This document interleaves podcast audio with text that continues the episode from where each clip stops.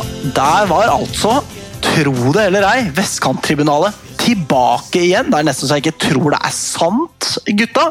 Kan dere tro det, eller? Nei,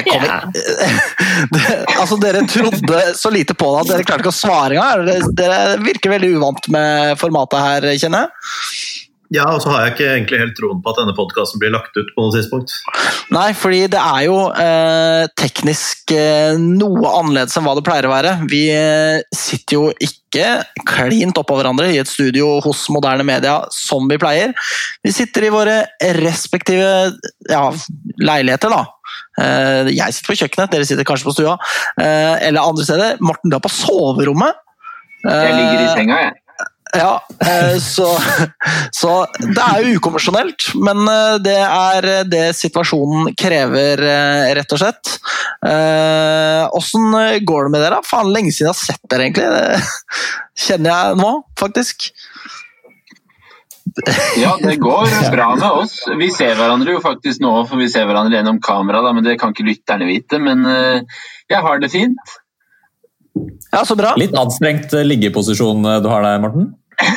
ja, jeg får litt vondt i nakken, men det er verdt det. Nikolai er ikke bare psykolog, han er også kiropraktor, eller? Ja, kan godt bjuda på litt forskjellige kunnskaper. Men eh, kanskje jeg skulle si noe om eh, sendingens struktur, da. Eh, det er jo annerledes eh, av eh, ymse grunner.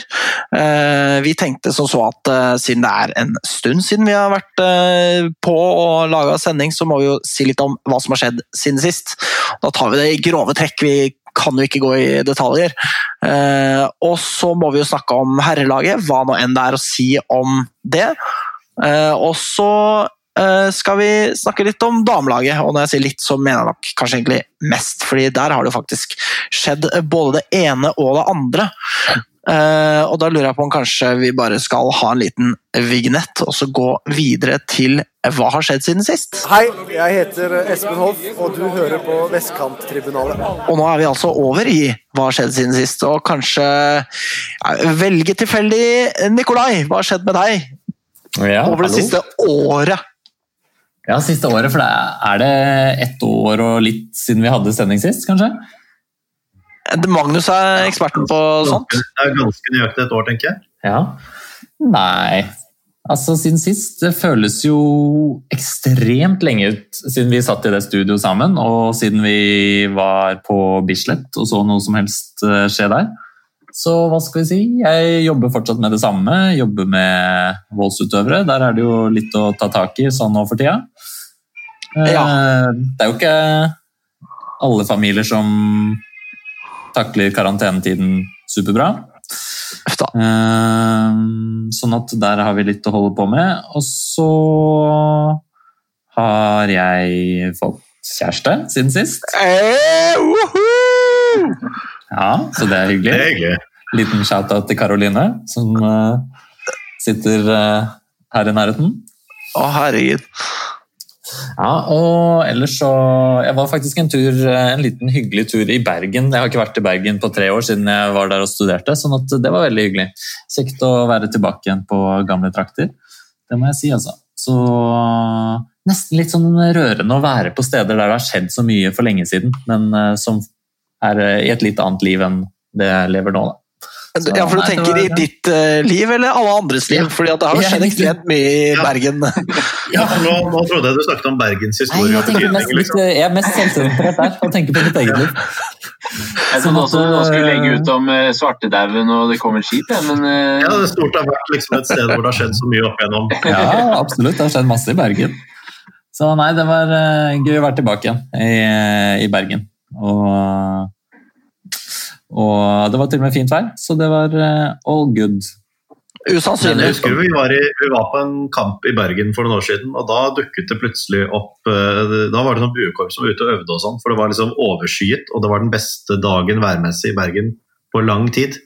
Ja, Jeg husker ikke Det- hvem det var vi møtte, men eh, det var da vi tok eh, bussen ut til Ikea eller noe sånt. og sånt. Ja, ut ute i Åsane. Åsane, ja. Riktig. Ja, nei, de liker å marsjere i gatene, de. Så Mm. var vi der sammen, alle fire? Jeg har aldri vært i Bergen, så nei. Nei. Jeg var der i hvert fall. Da var Ja. Ja, jeg tror vi var der tre og så Jonas Rygg lede lyd til eh, et ganske solid tap mot Åsane. Har dere ekskludert meg, er det det dere prøver å si, eller? Ja, ikke, ikke med vilje. Men det skjedde Neida. like fullt. Vi må bare konstatere det. Det skjedde like fullt. Og, ble, ikke du, ble ikke du ekskludert fra en tur til uh, Hamburg, eh, Alex, av Morten? Det ble jeg i aller høyeste grad. Og tidligere gjest eh, Åsmund Bertelsen. Fy faen, det skal jeg aldri glemme, ass. Jeg skal aldri glemme det. Du, hadde foreslått, du hadde foreslått å dra på St. Pauli-kamp mange ganger, og så syntes de det var en så god idé at du gjorde det alene. Ja, det var basically det som skjedde. Møtte Mads Møller Dæhlie og bare kosa seg på pub og det ene og det andre. Fader, ass. Jeg hadde verken råd eller tid, men det føler jeg at jeg er litt beside the point, altså. Det visste jo skal sies at. Åsmund var fadderen til Mats Møller Dæhlie på barneskolen. Så eh, litt kontakt hadde de fra før av. Og derfor må Alexander ekskluderes. Ja. Nei, okay. unnskyld. Neida, jeg, skal, eh, jeg slutter å være butthurt om det akkurat eh, nå, jeg, faktisk. Det har jeg bestemt meg for. Men eh, så hvis Nikolai er, eh, har fortalt det som er å fortelle så, Ja, jeg kan ikke si noe annet. at Det var, eh, oppsummerer mye av eh, livet siden sist. Og pluss malt veggen. Det ser jo dere kan se på mitt kamera, men det ser jo ikke lytterne. Men den er altså malt i en farge som heter eh, noe som Farger heter jo gjerne noe spesielt. Da. De har litt sånn der, eh, Litt sånn catchy navn. Er det Dette Blush Pink? eller noe sånt? Bl- Blush pink? Ja. Jeg kan ikke se noe farge der, men eh, igjen kjedelig for lytterne, da. Ja, se der, ja. Ok. Men lytterne kan jo søke opp denne eh, herlige fargen. Det kan de gjøre. Eh, skal vi følge kanskje leseretningen på liksom, skjermen her, eller? Fordi du er opp til venstre, Nikolai, og så er det jeg som kommer deretter. Eh, så kanskje jeg skal fortelle litt, da. Om hva som har skjedd siden sist. For det er ikke så rent lite. Eh, det må bare sies. Folk har kanskje hørt barnegråt i bakgrunnen. Og jeg og Bensan, det var faktisk min sønn som jeg har fått siden sist. Det er ikke mindre enn eh, som så. Eh, Så det er jo ganske stas og ganske big deal. Kan bekrefte. Han er medlem i Bastionen. Han har uh, hørt eh, faren sin eh, kauke mens han har sett på Lynkamp. Uh, ikke vist den store entusiasmen helt ennå for hva som skjer på TV-en. Uh, men så er det jo bare fem måneder om tre dager, så det er jo ikke så mye man kan forvente, da. Angående den slags. Men ja, gøy det. Du er jo på ballen med å melde inn i Bastionen. Hva tenkte du på Hva mente du nå? At du er på ballen, at du er tidlig ute. Å, ja, ja, sånn sett. Ja, ja, ja, ja. Eh, Og vi har folk liksom i den familiære, det familiære omland som uh, syns det er provoserende og ønsker å melde han inn i klanen. Jeg syns det er morsomt, fordi jeg er faren hans, så jeg kan jo bare melde han ut igjen. ikke sant? Så det er jo bare kjempestas. Sånn er det å være liksom verge for noen. Du kan eh, bestemme masse greier for dem. Så det er litt gøy, da. I Du har til kanskje naboer som også vil melde han inn i klanen? Eh, ja, de går støtt og stadig i eh, Vålerenga-tøy, og Vålerenga-korps kommer gående i bakgården her og tigger penger og det ene med det andre, så det ser jeg ikke bort fra. Eh, Provoserende. er veldig provoserende. Eh, og i tillegg til det, så har jeg da Det var vel snakk om det siste at jeg ikke enda hadde fått jobb, vel? Det kan stemme. Ja, var vel på Nei, det er jo ganske nøyaktig et år siden. Ja, ja, nemlig. Og jeg begynte ikke å jobbe på det stedet som jeg fikk jobb, da, eh, før i, eh, i januar. Så jeg har da jobbet siden januar hos Norvoll skole og autismesenter, som jo er kjempegøy og veldig spennende. Eh, Jeg har eh, gått hen og blitt lærer, i likhet med Morten, så det er jo eh, Riktignok en veldig annen type lærer, da, men eh. Jeg og Morten vi er som eh, to eh, profesjonelle dråper vann, på en måte. I hvert fall i navnet, da. Ja, også lektor, faktisk. Selv om jeg ikke er lektor. Det er litt gøy. Bare sklidd eh, Hvordan går det til? Nei, de bare lønner meg som det. Så Ja, det passer meg bra. Jobber jo med videregående elever, må vite, så kanskje det bare er på sin plass. Jeg vet ikke. Jeg bare tar de penga fornøyd, jeg. Rett og slett. Så eh, nok om meg. Kanskje Morten har lyst Det til var jo å store nyheter, da. Det var jo begge deler, for så vidt stort. Det ene noe større enn det Ja. andre, men allikevel. Begge to. Store Ganske store. Veldig hyggelig fyr. Ja, det er jo to av dere som har møtt ham. Nikolai, du har ikke fått muligheten helt ennå, da, dessverre. Men uh, vi får uh, gjøre noe med det. Vi får gjøre noe med det. Ja. Det får vi gjøre. Eh, så, Det, det, er, det er litt rart å sitte og podde igjen, det, er, og i og det, hvert fall er, i hvert Ja. fall i hver sin stue. det er noen andre omstendigheter. Det er ikke like lett å holde gående som før. Så da bare gir jeg ordet til Morten, jeg, så kan fortelle hva som har skjedd siden sist. Til meg, ja. Takk. Mhm. skal du ha, Alex. Det var hyggelig av deg. Jeg, jeg har også levd et ganske stille liv i 2007. Da. Det har sikkert de fleste, bortsett fra Alex og kanskje Magnus. Det kommer vi tilbake til. Eh, Men jeg har vært, eh, vært eh, ute på et par reiser i høst, faktisk. En tur til Stavanger en helg. Og det var en helt fantastisk by. Det må jeg bare anbefale folk å dra til. Våre lyttere også, hvis dere vil være en liten helgetur når det eventuelt er lov til å reise igjen. Så anbefaler jeg det. Utover det så har jeg jo vært i den situasjonen mange er i, med hjemmearbeid og hjemmekontor. Da. Eh, og det har nå startet opp igjen der hvor jeg jobber. Eh, og enn så lenge så syns jeg det, sånn som i våres, er veldig behagelig. Eh, men det syntes jeg sånn cirka i tre dager i våres, og så ble jeg sykt lei. Da, så nå fra og med mandag så er jeg nok lei. Eh, og så har jeg fått fast jobb. Oi! Grattis. I dag, faktisk. Nei, i Oh, dag! Fy fader. Gratulerer. Gratulerer. Takk, takk. takk. Dette visste vi jo faktisk ikke. Ofte så later vi som vi ikke har hørt om ting før på sending, men dette har vi faktisk ikke hørt om. Nei, ikke sant? Nei, det var gøy, det. Det var uh, Ja. Det var gøy. På Elvebakken, eller? På Elvebakken, ja, så jeg slipper å bytte sted, holdt jeg på å si. Ja, så digg, da. Ja.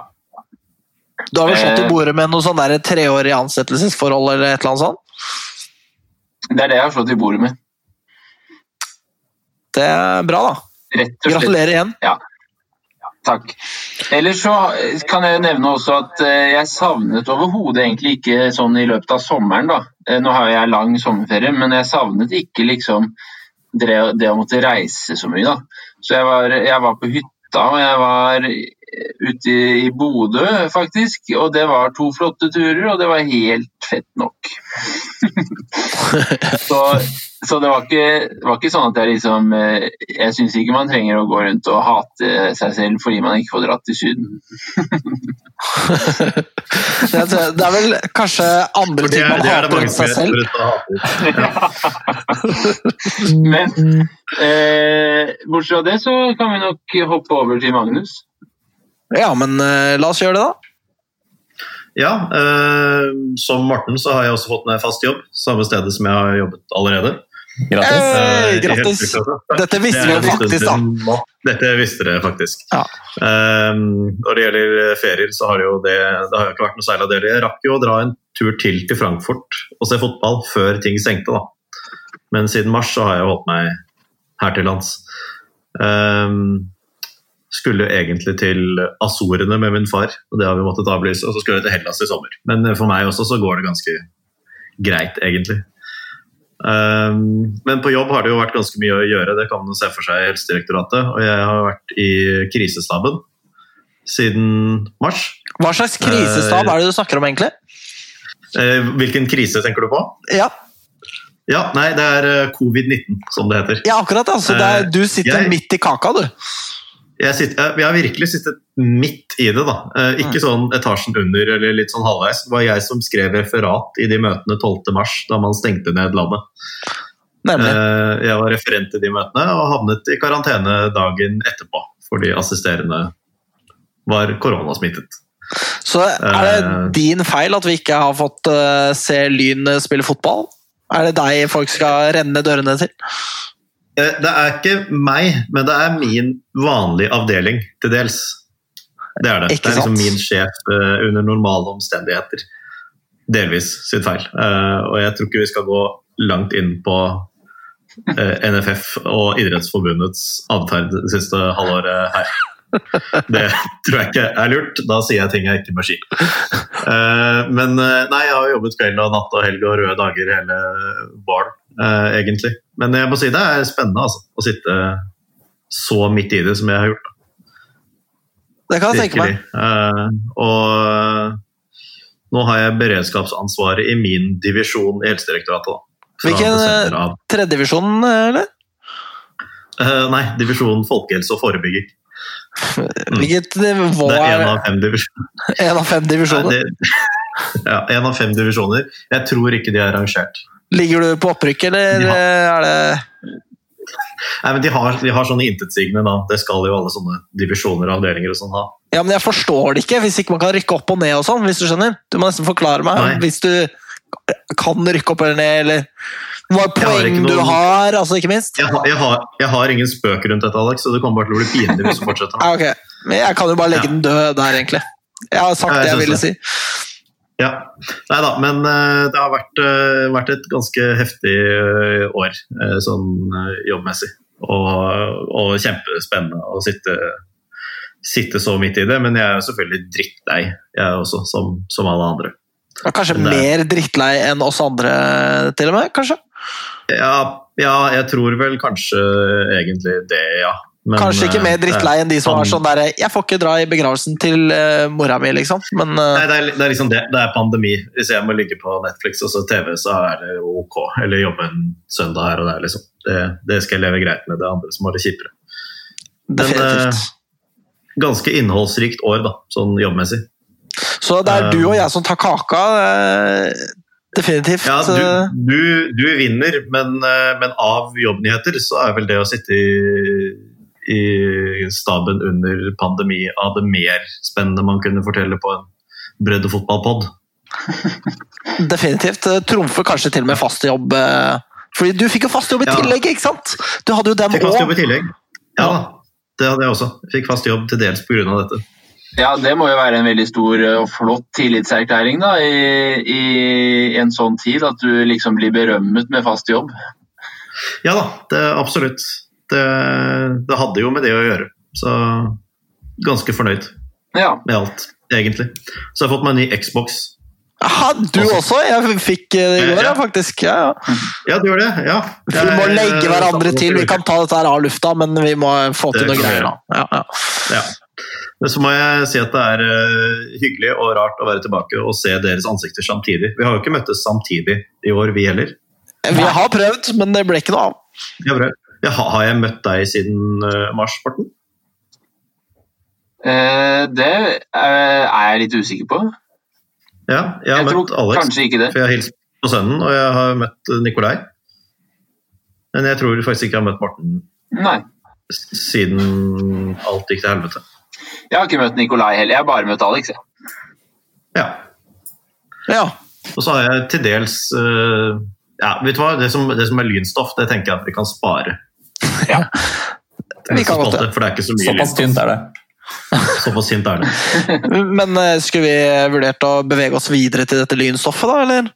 Ja, skal vi ikke det? Ja, men da gjør vi det. Da blir det timestamp på opptaket. Jeg er Psycho, og jeg elsker frikadeller og lyn. Og da er vi inne i ja, det det egentlig skal handle om. Som jo tross alt er er ikke så himla mye å si. Eh, det som skjer med Lyn Det vil si, det er jo to eh, Som jeg var inne på på starten av sendinga, så skal vi jo snakke om både herrelaget og damelaget. Og vi starter med å snakke om herrelaget. Og ja, hva er det å si, egentlig? Det har jo ikke skjedd noen ting. Eh, alle våre håp og drømmer ble knust da sesongen ble avlyst. Vi håpa jo i det lengste at det skulle bli sesong enten altså i et eller annet format. Eh, om det skulle være liksom eh, lokale ligaer som var delt i to, eh, basert på liksom de opprinnelige ligaene, eller åssen det skulle bli. Men det ble altså ingenting ut av det, og Lyn sitt herrelag har ikke spilt fotball på ja, hvor lenge er det nå? Over et år? Det er et drøyt år, vil jeg tro. Så Men det har vært en slags sånn spenning underveis. Det har jo, det, I hvert fall for meg så kjennes det ut som at oh, noen, sånn rundt sommertidene at oh, her er det et eller annet som nærmer seg. Det blir et eller annet etter sommeren. Det kommer et eller annet til vinteren, uansett hva det måtte være for noen form. At det skulle komme noen ting. Så det har jo, jeg syns det lenge var en slags spenning knytta til når kommer det i gang, og hva slags eh, format det kommer det til å bli. da. Ja, for Ja, Når var det du eh, personlig Magnus, ga den endelig beskjeden om at det ikke ble Lyn fikk eh, lov til å spille fotball i år? Jeg, jeg ga vel dere beskjeden, kanskje, eh, men, men det var ikke jeg som besluttet det. Det var jo NFF også som fikk lov til å sette opp en sånn prioriteringsliste med hva som skulle starte først. Ja. Um, og så har man prioritert for, uh, topp, eller Elitefotballen ble jo prioritert. Uh, og så har man vel få i gang barn og unge, og så har det vært den uh, gatefotballen. da, har jo stått foran i køen. Så jeg tror nok at tredjevisjon er blant de- det som har vært vanskeligst. For det har liksom vært, eh, vært en nasjonal serie med en del reising. Men, eh, men altså, eh, fotballen hoppet jo liksom foran i køen i gjenåpningen på veldig mange, på veldig mange områder. Um, og så gikk resten av kulturlivet litt lei av det. Og så måtte fotballen vente uforholdsmessig lenge, og så kom det en smitteøkning. Og da smitteøkningen kom, så tok det seg dårlig ut å sette i gang noe som helst som ikke allerede pågikk. Eh, Det er vel ikke nødvendigvis det at det hadde vært så problematisk sånn smittemessig. Jeg tror det er like mye det at eh, når man må stenge tre ting, så ser det litt dumt ut å åpne en fjerde, liksom. Mm. Føles jo som en riktig beslutning, men det gjør det ikke mindre kjipt eh, for oss som Lyn-supportere av den grunn. Nei, Men det var jeg- én ting jeg tenkte på faktisk i forbindelse med dette du sa, Nikolai. Eh, og det er at fram til eh, sommeren, da, fram til sensommeren egentlig, så savnet jeg ikke Lyn i det hele tatt. Eh, men i det øyeblikket det ble eh, håp om å se Lyn igjen, da begynte jeg faktisk å savne Lyn. Så det var en, litt sånn deilig å få en bekreftelse da, på at eh, jeg fortsatt heier på denne klubben. Ja, fordi det er jo noe med det. Vi- har vel alle, de aller fleste som heier på Lyn, har vel slitt med motivasjonen til en viss grad. Og dette her blir jo en sånn situasjon som viser litt eh, hvor motivasjonen egentlig Hvordan det egentlig står til. da. Og jeg kjenner jo det at det liksom Ikke si sånt. Jeg, Nei, jeg kjenner lite på det dere snakker om. Nei, men, eh, men jeg må si for min del, jeg har ikke kjent så veldig mye på savn, egentlig. Men så har jeg også fulgt eh, damelaget Altså, jeg har jo ikke kommet meg på kamp, fordi jeg har hatt en kis å ta meg av, eh, liksom. Men, eh, men fulgt alle kampene på stream, da. Og så Lyn har på en måte vært eh, nærværende hele sesongen eh, for min del. At jeg på en måte kjenner det at eh, Nå gjaldt jo det forrige sesong også, men at kjærligheten min til Lyn strekker seg vel så mye til damelaget som til herrelaget. Og når det bare er de som spiller, så blir det jo enda mer spesielt, det må jeg si. Og det er jo bare fint, det. Det er jo ingenting i veien for å følge de òg, liksom. Nei, absolutt ikke. Og noen ville jo kunne si også at det kanskje var litt fortjent at damene skulle få litt ekstra fokus. Ja, definitivt. Eh, og så, men så har jo spørsmålet hele tiden vært liksom sånn Hva skjer med herrene, liksom? For det er noe med det der det, det, det føles som et vakuum, da. Det Mm. er noe som skulle ha vært der, som ikke er der. Jeg, det skal faktisk sies da høsten begynte å eh, komme så smått. Da kjente jeg det at sånne deilige eh, høstkamper mot slutten av sesongen. Det er jo ikke alltid at det har vært så hyggelig å gå på de kampene, pga. at Lyn har vært ræva, liksom. Men, eh, men, eh, men allikevel så er det noe med sånne deilige, kjølige, mørke høstkvelder. Man ser lyn, litt frostrøyk. eh, Du kjenner litt lukter, lufta er eh, Har liksom en sånn høstlukt og eh, Ja, det er en sånn eh, veldig unik opplevelse som eh, Da jeg ikke fikk oppleve den, så kjente jeg at jeg savna det ganske mye, da. Faktisk. Når det kom til stykket. Det er en som rekker opp hånda her. Jeg ser det på Det er det. Det er meg. Jeg, har også kjent på en del av det samme, at jeg har, eh, savnet, eh, savnet den type kamper på høsten. Men så har jeg kommet på at de skulle jo vært på Kringsjå. Og det har virkelig knust hos meg. Altså. Og det er ikke bare sånn tøffe seg Fuck Kringsjå, Bislett er dritkult, for det er pub i nærheten og jeg kan bli dritings. Det er ikke det, er ikke det heller. Jeg bare kjenner at det har faktisk liksom ødelagt den gleden, da. Det, jeg har liksom ikke Når jeg har innsett at da ville det vært å gå ned og ta T-banen opp til Kringsjå og stå der i Når du sier frostrøyk, da er det jo holke på Kringsjå. Det, det har liksom uh, gjort det litt uh, mer kjipt å tenke på neste år, men litt mindre trist i år. Ja, vi slapp jo den eh, akkurat den der. og Man kan jo eh, lure på om eh, vurderingen at det er lettere å rykke opp et annet sted, er eh, mer nær, nærværende til neste runde. Det er det jo selvsagt ikke, fordi Kringsjå har bestemt seg for samme faen hva uansett. Men det, det har gjort det lettere, ja. Definitivt. Fordi det er ikke gøy å se kamper på Kringsjå. Det er ekstreme unntak i så fall. Så Det er det, men jeg følte likevel faktisk på et savn etter Kringsjå til og med. ja, Altså. I sånn, ikke, ikke i våres, som sagt, men i september og tidlig august, når eh, liksom det nærmest lå an til at vi skulle få halv sesong og sånn, da, Mm. da savnet jeg til og med Kringsjå. Altså, da hadde jeg lyst til å dra på Kringsjå og se match. Eh, det Jeg syns det var litt trist at vi ikke hadde møttes siden mars, Morten. Ja. Det begynner å gi seg nå. Ja. Neida. Men den, det savnet ble mindre av Kringsjå, men det var der faktisk likevel. Og jeg savnet ikke minst da dere og det å stå på kamp med noen andre da, og se, se Lyn spille fotball her eller der. Det spilte ikke så mye rolle. Det var bare Lyn jeg savnet, og liksom folka som er rundt Lyn. da. For en ren og pur ubetinget kjærlighet, Morten. Ja. Du møtte jo på eh, Fridtjof Grimsrud også, Morten, gjorde ikke det? Som kunne si noe i lignende baner? ja, han savnet også dette samværet da, med oss. Altså ikke Han bare savnet, oss fire. eh, savnet sommervennene sine, var det ikke det han sa? Jo, jo. jo. Um, mm. Men er det noen av dere som har tatt dere i å savne bortekamper? Fordi bortekampene er jo det samme. De, der er det buss og eh, flatfyll og eh, tjukke i huet tullinger som kjører buss eh, overalt, liksom. Jeg begynte å savne det da Morten snakket om at han var i Stavanger i sted. For vi tenkte på det der, da, vi ramlet, da vi ramlet gjennom det banneret på Vidarkamp og sånn. Da han anbefalte Stavanger, for vi har jo hatt det hyggelig i Stavanger sammen før, vi. Vi har det. Så nei, men jeg har savnet, jeg har savnet bortekampene egentlig mer enn hjemmekampene for min del, altså. Ja, at det, men det er klart, altså den opprinnelige avdelingen som vi har satt opp uh, i, i år, eh, da var det vel tre lag fra Østlandet og elleve fra Vestlandet, eller noe sånt. Mm. Eller det var fire, fire og ti. Uh, og jeg er sånn sett litt glad for at det ikke ble den. Ja, helt Ja. enig.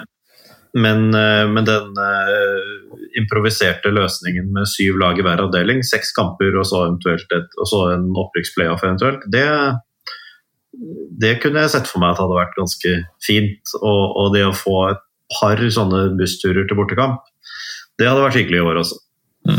Altså Den uh, ligaen de satte opp der, det som var foreslått med seks andre lag, da fikk jeg ganske fot. og synes det, Da må jeg si at da lengta jeg etter den spenningen og liksom kjenne på å gå på kamp og være spent på ok, hvordan kommer dette her til å gå. Kommer vi til å skli igjen på målstreken? Altså, det er et eller annet med den Det er en sånn spenning som jeg syns har vært uh, borte i livet. Men uh, selvfølgelig, damene har uh, levert litt spenning, de også. Men, men det er noe som har vært borte, absolutt. Altså. det er Ja, det er Fader, altså. Det er, det er noe med det Men jeg kjenner også på det at uh, det har vært så ekstremt mye frustrasjon med Lyn opp gjennom uh, altså de siste åra, da.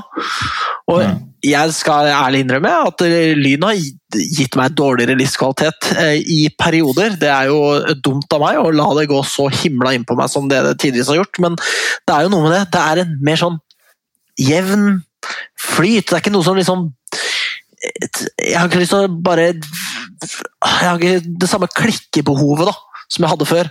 Og Det er jo litt eh, digg å slippe det. Det er ikke en eller annen jævla dommer, ikke sant. Eller et eller annet forsvarsspill som bare faen ikke vil sitte, liksom. Er alt, alt sånt eh, slipper jeg å forholde meg til. Eh, og spesielt med tanke på at liksom, damelaget har gjort det så sinnssykt bra, ikke sant. Så er det liksom eh, jeg vet ikke, Fotball er en mer positiv opplevelse for meg uten herrelaget. Det er jo synd å si det, men eh, faen, de får takke seg sjøl, da. Tross alt. Morten, du rekker opp eh, hånda, ser jeg. Ja. Takk, takk, takk. For jeg hadde en sånn hypotese, skjønner du, om, eller dere, da, eh, om at dette med å dra på lynkamp, det skulle være min måte å få ut agg på. Og at det var på lynkamp jeg fikk luftet hele ukas frustrasjon. Men jeg må innrømme at jeg har ikke vært så veldig sur ellers i høst, så den hypotesen har blitt borte. eller den var feil, rett og slett. Det er, så det, det er liksom rett og slett ikke- sånn at man eh, drar på fotballkamp for å få ut agg. Man eh, drar på fotballkamp for å føle agg. Og så er det deilig å få det ut der og da, men eh, man er med Ja, jeg, har tenkt, det- jeg har tenkt det i årevis, at Lyn har vært en sånn kanal hvor jeg kan være forbanna idiot, liksom, og det er meningen. Det har jeg jo tenkt, men jeg, har egentlig ikke, jeg brenner ikke inne med så mye frustrasjon selv et år som dette. da. Nei, jeg har ikke gått rundt og slått Nei, det er- elever. Nei. Så, sånn som du har pleid å gjøre, mener du? Nei, men det har hatt lyn å gjøre det for, holdt jeg på å si. Altså, Jo, jo, men men fra, fra november til mars så har du pleid å banke elever. ja, men det har vært så ja, Nei, jeg har ikke det. Heldigvis. Men eh, skal vi si noe om eh, hvordan Lyn ser ut eh, per nå? Det er jo egentlig ikke så mye å si. Altså, hvor mange spillere har Lyn, liksom? Det er jo fire spillere, ut fra hva jeg kan forstå. De kan vel ikke trene nå heller, kan de vel det, Magnus? Eh, Jeg vet, hva, jeg vet ikke hvordan Nei, de får lokale ikke- de får ikke er, men det er ikke med kontakt, i hvert fall. Nei, ikke sant. Så da er det jo Altså, det er jo ikke sånn at Lyn er mer rammet av det her enn andre lag på sitt nivå. Men hva, hvordan Lyn ser ut når vi først setter i gang igjen, er jo liksom ekstremt uvisst. Jeg ser jo det at de skriver på nettsida at Dan Roger Roland har signert og forsvarsbauta og hipp hurra og sånn, men jeg vet da faen ingenting om Dan Roger Roland, jeg, liksom. Det betyr ikke nei, så og- mye for og man meg. Vet, og man vet enda mindre nå om hva som, uh, hva som skjer. Altså hvordan dette her et år uten fotball da, påvirker ulike lag. Liksom. Det er helt umulig å se for seg. Om Lyn, om Lyn som tross alt har, liksom, er et over snittet profesjonelt og gjennomført tredjedivisjonslag, da. Uh, om det er en fordel, om vi har en bedre grunnkondisjon og spillerne våre klarer seg bedre med egentrening eller uten kamptrening over tid, eller om det nærmest bare visker ut skillet mellom, mellom uh, de med erfaring og peiling og de som ikke har det. Det er helt umulig å si. Jeg har ingen peiling på om vi kommer bedre eller dårligere ut av å ha hatt pauseår. Men vi kommer jo dårligere ut enn annendivisjon, som har fått spille. Ja, men jeg tror skal være helt ærlig, at den profesjonelle på en måte, biten som vi har, med en uh, Kjetil Wæler og andre som uh, virker å drive ganske seriøst rundt liksom, grunntrening, det kommer til å slå positivt ut for oss. Det, det tror jeg ikke det skal være noen tvil om. at eh, Jeg tror Lyn har lagt ned mye god treningsinnsats gjennom eh, hele karanteneperioden. og den tiden de ikke har fått lov til å trene med kontakt, så har de jo også holdt på. Og jeg har sett, uh, sett de på banen komme nedover fra Kringsjå etter trening, og der, uh, det er flere enn fire spillere som har kommet på den T-banen der, for å si det sånn. Sånn at vi har uh, Det har vært mange spillere som har stilt opp på trening der, og jeg er ganske sikker på at det kommer til å betale seg til neste sesong, hvis det nå blir. Ja, det, det. Jo, finnes jo ingen presedens for den situasjonen her i det hele tatt. Det er det som er så spennende. Det er jo kjipt at fotballen er borte og alt det der, men øh, hva som er i andre enden av det, vet vi ikke. Det, kanskje det er en sånn Altså, I Lyn vet man jo aldri. Kan jo være problematisk at det ikke er fotball fordi interessen bare daler til eh, de aller dypeste bølgedalene vi noensinne har vært. Det har jo vært trenden over de siste åra, og det gjør jo ikke akkurat underverket for rekrutteringa at det ikke er fotball et år. Samtidig så kanskje det er en slags sånn derre Det var jævlig mye gruff etter forrige sesong.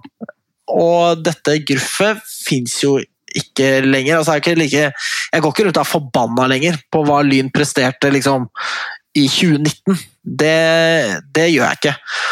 Og dermed så starter man jo litt med blanke ark når vi først begynner igjen. Da. Og kanskje det er en positiv ting. Kanskje man da Mm. ikke kjenner på det samme presset som, det jo, som jo selvsagt bare skal motivere, men som uh, tydeligvis i Lyn aldri gjør det. Uh, og kanskje man da liksom vil kunne prestere bedre. da. At det er liksom De har fått spille seg sammen på likere premisser altså, ja, likere premisser som andre lag spiller seg samspilte på. Da. Med, eh, for klubber som ikke har supportere og ikke noe eksternt press i det hele tatt. At eh, nå har Lyn fått sluppet dette eksterne presset, og dermed kanskje liksom har litt lavere skuldre. da. Ja, Det er et godt poeng. Hvis vi har en, vi har en uh, langt over gjennomsnittet i tredjedivisjon god spillergruppe i utgangspunktet, da, så har de fått lov til å jobbe uforstyrret, eller uforstyrret i den forstand at de selvfølgelig ikke har fått lov til å trene i månedsvis, da, men uten, uten kampsituasjon, uh, kampsituasjoner. Så ja, nei, jeg er litt spent på, spent på det. Det kan jo selvfølgelig være et gode. At vi, du slipper å kjempe med nebb og klør for å beholde en plass i elveren. Slipper det store gjennomtrekket av spillerne. Nå kan det hende vi mister en del til neste år, men det er liksom ikke noe sånn automatikk i at våre beste blir hentet av andre lag, for de har jo ikke spilt noe, de heller. Nei, og det er jo en kjempefordel det at eh, de andre eh, lagene på vårt nivå eh, heller ikke har spilt. De kan ikke tiltrekkes Det er lite sannsynlig at det skulle være så fristende å gå til en annen klubb på samme nivå, men det er klart de lagene som er mer garanterte for å spille i Post Nord-ligaen, eh, det er jo tenkelig at det kunne være fristende for noen av våre å, som er gode nok til å bevege seg opp et nivå. da. Sturla Ottesen, Enival? Ja, La oss ikke snakke om han. La oss være så snill og ikke snakke om han. Jeg ser at eh, Morten har forlatt eh, samtalen. Veldig eh, spennende å se om han dukker opp igjen. Morten har forlatt både video, eh, videobildene vi har av hverandre, og selve innspillingsløsningen.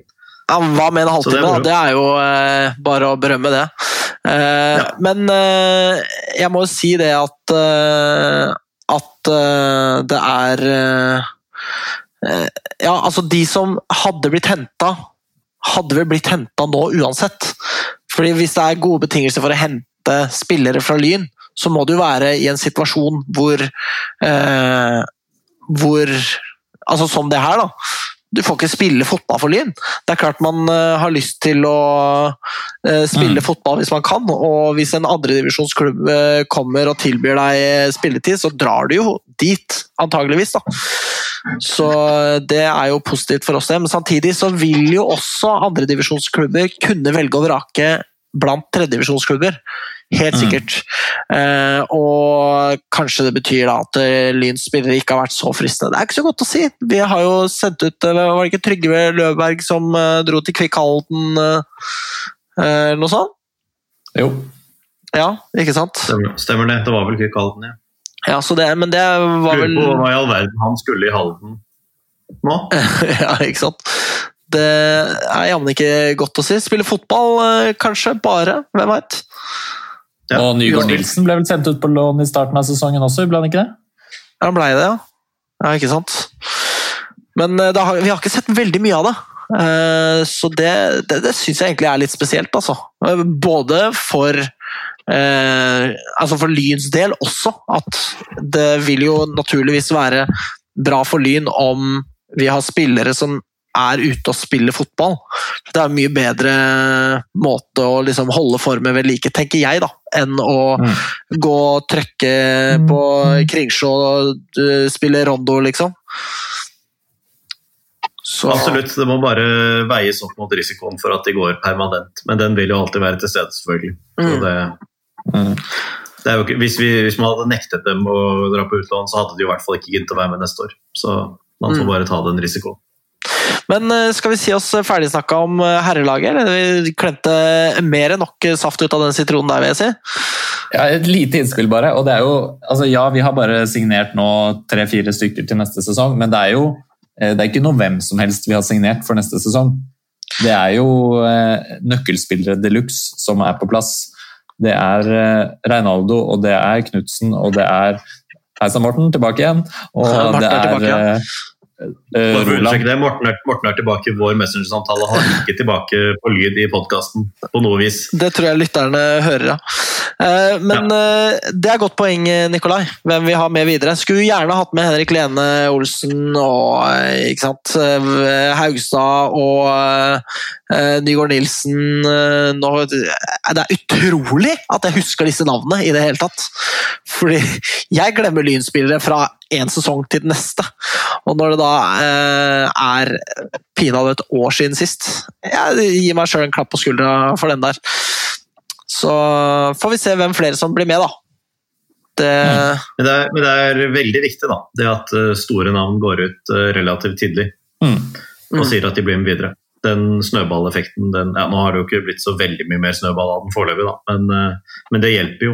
mm, Selvfølgelig. Det har vi jo snakket om tidligere år også, at det er viktig at, at vi har noen sånne store navn, da. Absolutt. ja. Ny, Nyheim har jo tidligere gått ut ganske tidlig på høsten eller vinteren og sagt at han blir med videre som kaptein. og Det er jo sånne ting som eh, du går foran med et signal da, og viser at du har tenkt å satse på dette her og være med videre. og det er jo, eh, det er jo kan, Man kan jo se for seg hvordan det er rent sånn stemningsmessig i et lag som trener sammen, som er sammen mye, og at eh, de beste spillerne sier at 'dette her har jeg tro på'. Man skal ikke kimse av rekkefølgen heller. Det er jo Knutsen som signerer, og så er det eh, Reinaldo som signerer, og så kommer Dan Roger Roland eh, etter der. Forutsatt at Dan Roger Roland er den spilleren man snakker om han som, da. Eh, så er jo det et positivt signal. Det er tre to, Altså to eh, skikkelige bautaer eh, og én antatt bauta, og da er det en kjempegod start. Selv om kontinuitetsbærerne ønsker jeg med desto mer, da, det må jeg si. De jeg nevnte i stad, som, eh, som jo har vært med en stund, og som eh, eh, ja, er gode spillere vi vil ha med videre. Mm. Skal, skal sies at Nå er Morten ute av videochatten, men inne i podkastinnspillingen, så det kan hende det kommer lyd fra ham. Ja, det var det jeg lurte på om dere hører meg nå. Nå Vi hører du deg, vet Nå er du, nå er du tilbake igjen. Og så gjenstår det å se om Hei, hei. eh, lytterne hører deg når den tid kommer, da. Og så gjenstår det å se om eh, det fungerer særlig bra at Morten plutselig dukker opp med et lydklipp som er mye kortere enn oss andre, da, siden han kommer inn etter 40 minutter. Altså, dette regner jeg med at moderne media kommer til å finne ut av. Hvis ikke, så ja, vi kommer ikke til å bytte produksjonsselskap, la oss være ærlige. Vi gjør ikke det. Så Ja, nå må du nesten skru av mikken på videoen, eh, Morten. Eh, Men jeg tror kanskje at vi da skal gå videre til damelaget, om ikke Morten nå brenner inne med noe, siden du har vært ute en stund. Ja, mista vi lyden på Morten, ja. Ok, så Da går vi videre til å snakke med eh, Si med, men jeg mener om damelaget. Tjena, det her er Eddie Gustafsson. Beste fansen i hele Norge kommer fra Lyn fotballklubb. No question. Og dette er jo eh, altså helt fantastisk. Det er jo en historisk sesong vi er vitne til. Jeg sier jo det hvert år, men det gjør ikke det desto sant. mindre sant. Ja, det er sant. Eh, og altså Bare for å ta oppsummeringen og historien her, da. Damelaget rykker opp til toppserien. Det er riktignok mer historie enn det, da, men uh, hvis vi tar det derfra Uh, De Nå er det enorm humor i videochatten her med Morten. Ja, sånt. Så, Hører dere meg? Nå Vi hører vi deg. deg. Nå hører vi deg. Eh, Så de rykker opp til toppserien, berger seg med et nødskri på kvalik. Sesongen etter skjer det samme. Og vi er inne i tredje sesong i eh, toppserien, så Lyn har da altså prestert en ellevteplass, en tiendeplass, og nå ligger Lyn oppå sjetteplass og har gått klar av kvaliken. Hvis man deler toppserien i to, som jo er veldig naturlig da, hvis man ser på den tabellen, så er Lyn på toppen av nedre halvdel. Det er altså så sykt bra! Ja da, og det er, eh, det er på målforskjell foran Klepp, og det er ett poeng foran Arna Bjørnar, men vi har, vi har også best målforskjell av alle på nedre halvdel, så det er ikke helt, det er ikke ufortjent heller. Vi har en positiv hjemmestatistikk på Kringsjøer. Det er jo helt ekstremt. Og vunnet tre kamper på rad nå. Eh, altså, I snakkende stund så er det en eh, kamp igjen, borte mot Lillestrøm. Vi vet jo at det blir tøft, eh, men, men selv om Lyn potensielt, altså hypotetisk da, ikke skulle berga denne sjetteplassen. Det kan jo skje. Lillestrøm er et godt, godt uh, fotballag. Uh, et av de beste i Norge. Så, så er det allikevel sånn at Lyn har gått klar av kvaliken. og Altså, vi må jo si det at Eller jeg, jeg, sier vi, jeg mener jeg må jo si det at jeg hadde lave forhåpninger til årets sesong. Først og fremst fordi at Lyn hadde mista etablerte, gode spillere. Nord Eckhoff gikk til Kolbotn. Eh, Linn Huseby gikk til Røa. Eh, søster, søster, Huseby gikk eh, til en svensk klubb. Vi mista Vilde Hasund. Dette her er etablerte, gode fotballspillere. Eh, og hvem skulle liksom plukke opp tråden etter de som eh, forlot oss? Og der har vi jo bare sett spillere som har tatt altså så enorme steg.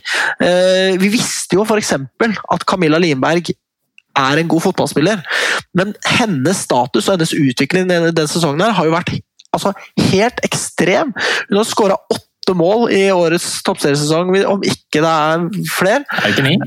Ja, det er kanskje ni. Hun er en av seriens toppskårere. Lurer på om hun kanskje er eh, ligger på delt førsteplass på toppskårerlista. Um, for et lag som har stanga i bånn i store deler av sesongen. Som har kjempa, eh, som Lindberg selv sa, med klebb og nør mot eh, eh, Den er på delt, delt annenplass. Delt annenplass. Det er jo knallsterkt mm. Sterkt for et eh, lag med Lyns budsjett og eh, de forventningene som var til klubben. Eh, men det er også andre spillere som har levert ekstremt godt. Eh, Kirvi Lodden, f.eks. Altså, fantastisk god signering. Jeg eh, var jo kjempemisfornøyd med at uh, Karen Oline Sneve ikke lenger skulle være Lyns førstekeeper, og tenkte at hun kom til å ta store steg i år.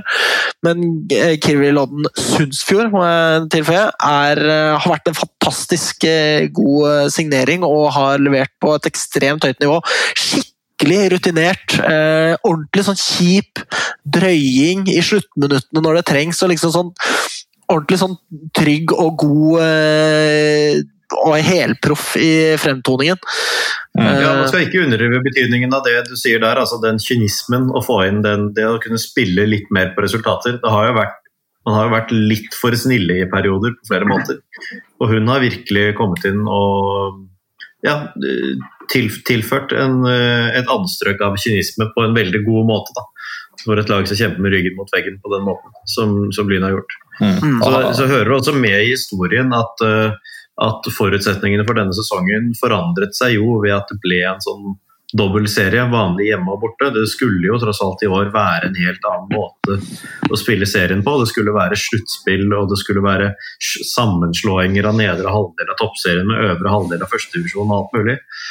Så, så, det at Lyn klarer å gå klar av, ikke bare unngå nedrykk, men klarer å gå klar av kvaliken med en runde igjen i år, er over all verdens forventning og til og med forhåpning, vil jeg si. altså. Mm. Ja, absolutt. Og det var jo yngste laget, er det ikke det, i toppseriens historie? Ja, det kan godt være. Katinka Tandberg eh, spiller eh, Hun har ikke vært fast på sentralen mitt, hun var det en periode. 16 år gammel. Eh, helt ekstremt. Altså, 16 år! Hvordan skjer mot det? Vålinga så, ja, mot Vålinga så kom det jo inn opp, altså i hvert fall én 15-åring, men jeg husker. Ja, Da er det vel kanskje Katinka Tandberg da, som ikke har fylt 16 ennå? Det kan jo være det? Altså, ja, ikke sant? Det blir jo useriøst, vet du. Nesten. Men eh, det må sies, Katinka Tandberg har jo vært fantastisk bra når hun har spilt. Det er riktignok en, altså en del av bildet av at hun er 15 år. Da kan man jo ikke forvente liksom, at hun setter eh, verden i fyr og flamme, men til å være 15 år så har hun bare vært eh, strålende. altså. Vidt, Kanskje hun er 16 nå, da, men for dette her var Vålerenga-kampen i sommer. Ah, okay, ja. Kommer jeg på nå, men likevel så er det imponerende, da. Mm. Eh, Nikolai, det så ut som du brant inne med noe her i stad? Ja, jeg skulle bare si noe om at det er jo sånn at før sesongen her så hadde jo samtlige eh, medier tippet oss på tiende, siste direkte nedrykksplass, altså. Der var, det var der forventningene lå til dette laget her, og vi har jo eh, selv om vi per nå ligger på en eh, veldig imponerende sjetteplass, så har vi jo ligget og vaket nedi rundt nedrykksstreken der, rundt kvalikplassen. Eh, og så er det jo en fantastisk sånn, høstform som har vært her nå i det siste. Og jeg tror vel Lyn er det laget med best høstform de siste fem-seks kampene, eller et eller annet sånt. Mm, og det er jo helt ekstremt sterkt av et lag som består av spillere som eh, ikke har all verdens eh, med toppserieerfaring fra før av. Det er spillere som eh, tar nivået, som, eh, og som har fått sjansen av trenerteamet. Så dette er eh, ekstremt mye bra som har vært gjort. Og, og ikke minst når vi snakket om eh, Kirvil da, her i stad. Mm. Det er jo for et boksspill. altså Når ballen går inn i boks der, så vet du på en måte Hele Forsvaret vet at her har vi en keeper som er trygg, som gjør gode vurderinger, som kommer ut og ikke skaper full, full kaos. For det gjør noe med et forsvar, det. Altså, det har vært en Det er så alfa og omega det å ha en keeper som sprer sånn trygghet rundt seg. Det å se på denne terminlisten i år til Lyns damelag er nesten som å se på terminlisten til Lyns herrelag da Tressor og Mikkis tok over i sin tid. Hvis du ser på vårsesongen, så har man eh, to Altså man har syv matcher eller noe uten seier. Eh, og så er høstsesongen en helt annen verden. Så, mm. så, det er også ekstremt eh, imponerende, egentlig, at man tydeligvis har løst mange problemer da, i løpet av sommeren. Men jeg tror heller ikke vi skal undervurdere inntredenen til en viss eh, Mimmi Løfvenius Veum. Hun har gifta seg siden sist, så hun heter noe nytt. Eh, ting har jo sett mye lysere ut etter at eh, hun eh, kom tilbake. og eh, Det er jo i kamper hvor hun har spilt fra start, hvor Lyn har eh, da hatt denne eh, formtoppen sin som eh, ikke ligner grisen. Og det var liksom bare ingen tvil om at det Mimmi brakte til Lyn var noe helt annet. Hun kom jo fra en halv sesong i Lillestrøm. Virker jo som en ekstremt merkelig beslutning sånn i utgangspunktet å sende av gårde Mimmi når hun eh, spilte så godt som fast på Lillestrøm og og deretter går rett inn i Lyns eh, førsteelver. Det var, hadde jo sine grunner, det, da. Eh, at eh, den overgangen ble som den ble. Men da hun kom tilbake, så tok hun med seg altså liksom muskler eh, eh, Vilje Ja, ja, ja. Arbeidsvilje, ikke minst. ja. Eh, og liksom en rutine og en sånn vinnervilje som bare Altså, jeg er sikker på at det har hjulpet Lyn ekstremt mye. da. Eh, og Jeg tror nok at tabellen hadde sett ganske annerledes ut om vi hadde hatt uh, Mimmi hele sesongen. Uh, vår egen Mimmi Løvenius, må jeg nesten si. da. Ja, absolutt. Og halvparten av Lyns poeng Det er spilt 17 kamper. Halvparten av Lyns poeng har kommet de siste tre. Ja. Så det er klart, den eh, sluttspurten her skal ikke undervurderes. Og kampen før disse seierne, seirene var, eh, var jo denne cupkampen mot uh, Lillestrøm. Hvor man leverte over all forventning. Hadde, man sparte en del spillere inn, som normalt er i elveren. Blant annet så var Mimi på benken fra, fra start av. Og klarte å berge seg til en, til en straffekok. Mm. Så, så det, det, er jo noe med den avslutningen her. Altså. Det er jo i, akkurat uh, i den situasjonen hvor vi er vant til at uh, ja, eller Om vi så er vant til det, i hvert fall ser for oss at lynlag pleier å gå på snørra liksom, under presset, så har mm. de virkelig steppet opp. da. Noe så til de grader også. Og uh, hva er det heter, da? altså Selve kronjuvelen i denne form denne formen som Lyn er i nå, er jo denne seieren mot Vålinga som sikra at Lyn eh, gikk klar av kvalikplassen. Eh, for en fotballkamp, altså! Det var helt ekstremt underholdende å se på. Eh, Lyn som presterer så godt mot et eh, så godt lag. Eh, virka jo som om Lyn hadde hadde altså Lyn hadde jo egentlig ingen business med å prestere på den måten, men uh, hvordan man ligger under 1-0, klarer, klarer, å snu det til 2-1, deretter får 2-2 uh, eh, og klarer å vinne på slutten jeg bare åh, det, det er jo definitivt den beste kampen jeg har sett Lyns damelag spille noen gang. Um, og, eh, og, det var ekstremt imponerende. Eh, spesielt Jeg vil jo naturligvis trekke frem Runa Lillegård, som eh, har sin andre kamp etter et langt skadeavbrekk, som skårer altså to helt vanvittige viktige mål. Eh, det er for meg ganske klart at mål nummer to er bedre enn eh, mål nummer én. Folk kan gå inn på YouTube på eh, Toppseriens offisielle kanal og se de målene der. Det er altså så sinnssykt hvor pent, pene disse to målene er. Og det å på en måte avgjøre det på den måten mot ikke bare toppseriens beste lag. Det er riktignok tett i toppen fremdeles, men men også mot Vålerenga. Det er en kamp som skal levere på det nivået der. Og som til de grader leverte på det nivået der òg. Nei, det var helt fantastisk å se på, altså. Ja. Uh, og jeg også Jeg hadde egentlig også tenkt å trekke, trekke fram Runa Lillegård, da, uh, fordi hun har vært skada hele sesongen. Og Eh, det innbyttet hun har. Hun kommer inn i det 69. minutt eh, og har skåret to mål sju minutter eh, seinere, som viser jo noe av det Lyn også har savna i år. I tillegg til Mimmi, da, som kommer tilbake tidligere i, i høst. Og som jo kanskje kan bidra til at man kan være positive fram mot neste sesong, hvis vi klarer å beholde de to på topp eller som offensive spillere. da. Så må vi jo ikke glemme Linberg heller, som uh, har levert sesongen gjennom. Vi har jo vært innom henne, men uh, altså er, Det er virkelig en spiller jeg frykter at kommer til å forlate Lyn. og Ryktet skal jo ha det til at uh, klubber ligger jo langflate etter Linberg over hele fjøla. Altså, jeg regner med at det er toppserien flesteparten av dem, men hadde ikke overraska meg om det var klubber også utenfor Norge som er interessert i det Camilla har levert. Altså, eh, et driblerepertoar som eh, er helt eh, perverst, og noen skåringer som altså, Løfter jo frem skåringene til Runa mot Vålerenga, men Linberg skårer jo bare pene mål! Altså, Folk må sjekke ut det, eh, hennes mål også, som man finner i, på toppseriekanalen på YouTube. Altså, Det er noen eh, så sinnssyke mål at det er bare Det har vært en nytelse å se på det, rett og slett. Magnus, du hadde fingeren i været. Ja.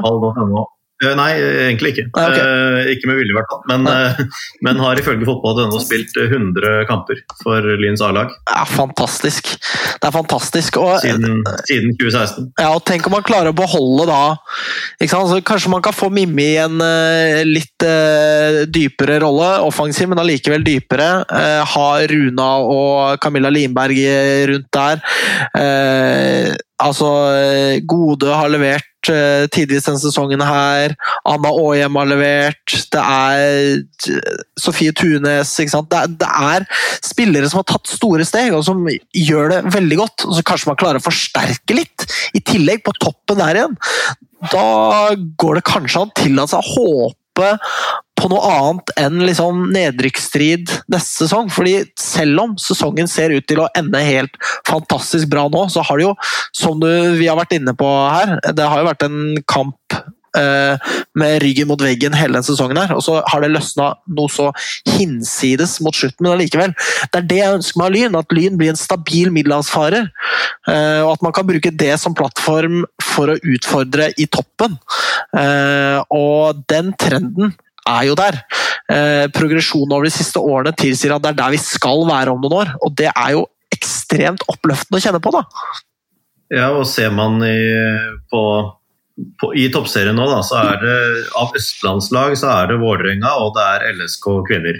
Eh, og de vet man hvilken satsing har, men ellers så er jo Lyn nummer tre på Østlandet nå. Kolbotn og Røa, de to andre lagene i toppserien fra fra vårt område. De, de er, rykker ned og havner i kvalik. Så kommer Stabæk opp, selvfølgelig. Men uh, det, det, begynner også å bli sånn at Lyn begynner å utkrystallisere seg som et av de virkelig store alternativene da, for de gode spillerne på Østlandet.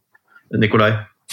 Ja, nei, Jeg er helt enig i det. og det er jo en, en, ting som jeg tenker på nå som er ekstremt viktig, er jo å få trenerkabalen for neste sesong på plass så fort som mulig. For da er det jo klart at uh, Urdal og Aas trekk ikke blir med videre. Og med tanke på å få inn forsterkninger, beholde uh, nøkkelspillerne fra i år, så langt det kan la seg gjøre, uh, så, så blir det viktig å få inn noen som spillerne har tro på, og som kan videreforedle det som materialet som finnes der. Og det, det er en Jeg vil si at det er en ganske svær jobb å skulle gå inn og ta over etter et trenerteam som har prestert noe så, så veldig bra nå ja, hele året, e-, egentlig. Det er jo Eh, med den troppen vi hadde, så kunne man jo forvente langt mindre, egentlig. Og det er jo ikke noe uh, stygt ment om troppen vår, men vi har mistet mye erfaring. Og, og det er tøffere nivå enn noensinne med et bare ti lag i toppserien. Uh, så det de har prestert, er jo helt, helt uh, enestående. Og det å komme inn og ta over det, det er ikke bare en enkel jobb. Definitivt. Uh, og så tenker jeg på det at jeg lurer litt på hva Norekoff og Linn Huseby eh, tenker der de sitter på hver sin uh, gulnende gresstust og henholdsvis rykker ned og spiller kvalik. Fordi at de tenkte at det skulle være så mye bedre å spille for Røa og Kolbotn. Jeg mener at jeg koser meg over det der. Ass. At de liksom bare ja, gode, etablerte spillere forlater Lyn og gjør det dårligere. Det er sånn det skal være. Og det, det er svært sjelden vi får oppleve akkurat det. Definitivt. Er det nå noen eh, skal nevne Ottesen her, eller? Nei. Nei, vi gjør ikke det. Vi, gjør ikke det. vi har slutta med det. Nei, men det, det, jo, det, har ikke alltid straffet seg nei, å være illojal mot Lyn, men eh, det er jo ålreit når du gjør det. Ja, altså, jeg... Uten at jeg kjenner forhistorien her, så det er godt mulig illojal er å dra på. Men dere skjønner hva jeg mener. Spillere som har forlatt Lyn og søkt lykken andre steder. Noen mm. ganger har det lønt seg, men i år har virkelig det å, å, bli værende i Lyn og ha troen på det prosjektet her, og se at man, man klarer å ta de nye stegene hvert år. da. Mm. Det på en måte som vi vi har, snakket om at det er målet, men det er enklere sagt enn gjort. Og det at man klarer å overleve i år altså, Vi trodde jo liksom at litt eh, En del var gjort da man klarte å overleve i fjor. fordi eh, Da kom man inn i et nytt seriesystem hvor det ikke var noe automatikk i at det svakeste laget i toppserien gikk ned heller. Det måtte bare være bedre enn førstedivisjon. Uh, og, og det er uh, veldig gledelig da, at man faktisk har klart å, mm. å områ seg og berge seg likevel. Ja, absolutt. Det er jo en kjempe, kjempeprestasjon. og det, er, det blir så utrolig spennende å se hvilke spillere vi kan få med videre her. For det er jo sånn som vi har snakket om, altså Lindberg det, Hun kommer til å få tilbud. Og, og, selv om vi kan håpe at hun blir i Lyn, så tenker jeg at det kan vi nesten ikke forvente at en spiller som er så til de grader eh, nærmest for god for ligaen, eh, skal bli værende. Det, det hadde vært fint, men jeg kan ikke si at jeg forventer det. Samtidig så er det jo eh, ut fra tabellen, Nå har ikke jeg vært like med i disse damematchene, men hvis man ser på målforskjell og de ulike matchene Lyn har spilt i år, så, så tenker man eh, kanskje også at eh, det er bakover i Lyns rekker at, eh, at noe må forsterkes. Da. Fordi vi, jo, vi har jo skåret mer enn alle andre bunnlag, men vi har litt å gå på i, de bakre rekker når det gjelder det å holde nullen og være rutinerte nok i, i det bakre leddet. Da. Det er kanskje der det har eh, sviktet eh, nå i år, eh, og som har gjort at vi har tidvis vært helt nede i sumpa. Offensivt har det faktisk vært bra selv mot de beste, også de kampene vi har tapt. Mm. Men det har vært veldig positive tegn de siste kampene, altså. Mm. defensivt. Og sånn mot Vålerenga nå også. Så er det strammet opp litt. Nikolai? Ja, og, og, jeg syns jo det, har, det, er noen positive endringer, endringer å spore også, med tanke på at jeg syns vi har spilt eh, vel ambisiøst eh, bakfra. Eh, at det skal være voldsomt med småspill bakfra der som har ført til ekstremt mange farlige brudd imot, og også mål imot. Eh, som jeg syns vi håndterer mye bedre per dags dato. Så eh, der er det definitivt gjort noen gode grep, og ikke minst en utvikling som man kanskje kunne si at kommer av å spille på den måten. Men uansett så er det vært mye bedre bakover. Eh, gutta, jeg har uh, premiere på setning i uh, pod-sammenheng. Uh, vi må nesten avslutte, for jeg må legge ungen! Nei, vi har holdt på en time nå. Det har vært eh, helt eh, strålende å snakke om Lyn igjen. Det har vært helt Men Du varslet jo Alex at du ikke kom til å kunne være med på alle podkastene i år, og det ser ut som du får til. Det var eh, hva, hva sier du til meg? Ja, nei, du skal ikke legge. Jeg skal legge. Nå tilbyr min kone seg å legge, men jeg skal legge. Det er min tur. Eh, Så eh, da, Og ikke minst har det vært eh, fantastisk å nyte deres eh, selskap igjen, gutta. Det må jeg si. det er veldig trivelig. Eh, Det blir vel sesongens eneste sending, det her. Eh, regner ikke med at det blir noe mer. Eh, Men vi tar sikte på å fortsette neste sesong, vi. Hvis det blir sesong, da. Mot Ja, alt, formodning, alt, føles er det jo som. så, alt er jo så usikkert nå sånn smittemessig, men vi skal i hvert fall klare å lage én i året. Det bør vi få til. Det bør vi få til. Eh, Så hvis ikke dere har noe mer å melde, gutta Eller? Nei, jeg kan si bare beklager kjapt for at jeg falt ut, men det var hyggelig å komme tilbake igjen til siste del. Det er en vanlig sending eh, på Vestkanttribunalet, med andre ord. Eh, og med det så sier vi, som jeg så vidt klarte å huske at vi pleier å gjøre, spør ikke hva Lyn kan gjøre for deg, spør heller hva du kan gjøre for Lyn. Tusen takk for oss. Kom igjen, Lyn, kom igjen, Lyn, kom igjen, Lyn, kom igjen, Lyn, kom igjen, Lyn! Moderne media.